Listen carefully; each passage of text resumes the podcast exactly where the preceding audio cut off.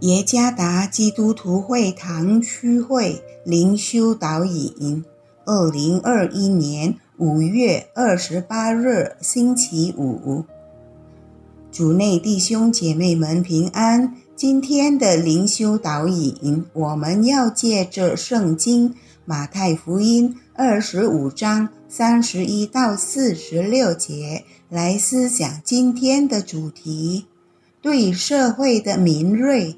作者朱思杰传道，马太福音二十五章三十一到四十六节。当人子在他荣耀里同这众天使降临的时候，要坐在他荣耀的宝座上，万民都要聚集在他面前，他要把他们分别出来。好像牧羊的分别绵羊、山羊一般，把绵羊安置在右边，山羊在左边。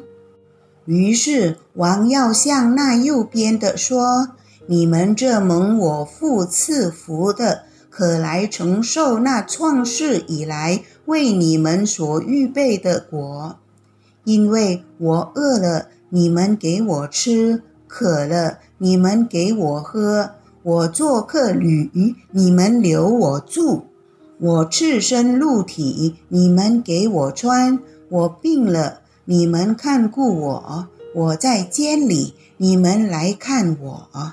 一人就回答说：“主啊，我们什么时候见你饿了，给你吃；渴了，给你喝？什么时候见你做客旅，留你住？”或是赤身露体给你穿，又什么时候见你病了，或是在监里来看你呢？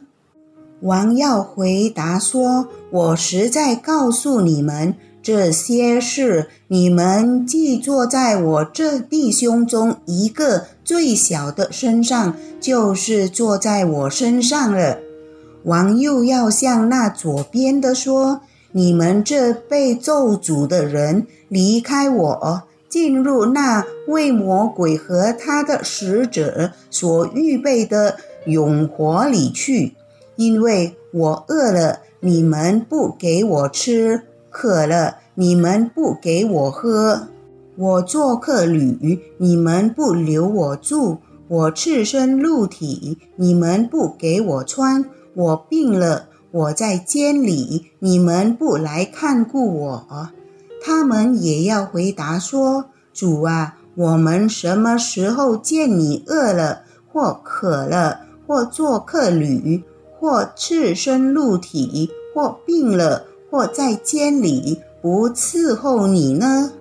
王要回答说。我实在告诉你们，这些事你们既不坐在我这弟兄中一个最小的身上，就是不坐在我身上了。这些人要往永行里去，那些艺人要往永生里去。福音派社会行动主义创始者的美国神学家罗纳德 ·J· 西德。讲述了在非洲难忘的经历。在他主持研讨会时，一个非洲年轻人举起了手。从他嘴里说出的评论使整个研讨厅变得寂静。那个年轻人说：“你们谈论爱与善良美好的事物，但你们从未实行过。”这是出于对非洲贫穷而困苦的焦虑而产生的一句话。受圣灵引领的人乃是一个对社会敏锐的人。当他们看到需要帮助的人，就会触动怜悯心。在因不公义而被压迫，或因这世上的结构性罪恶。而遭受贫穷的受害者身上，他看见基督的脸。耶稣说：“我实在告诉你们，这些事你们既坐在我这弟兄中一个最小的身上，就是坐在我身上了。谁是我最小的弟兄？那饥渴的人，做客旅的人，赤身露体的人，需要寄宿的人，被囚在监狱的人，病痛的人等等。第三十五到三十九节，受圣灵引领的人将会在悲惨世界里传福音的事工上有份，他们的同在。展示了基督的爱，并为他人带来了平安。上帝差遣我们成为他接近受苦难之人的手。可惜的是，我们经常拒绝并封闭自己，成为上帝的手。我们闭上眼睛，孤立自己，只思想自己的安适。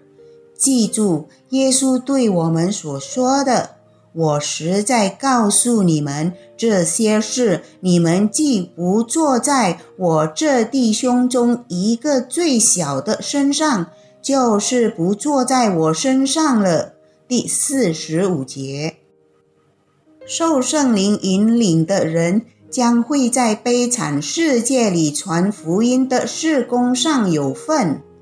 主耶稣赐福。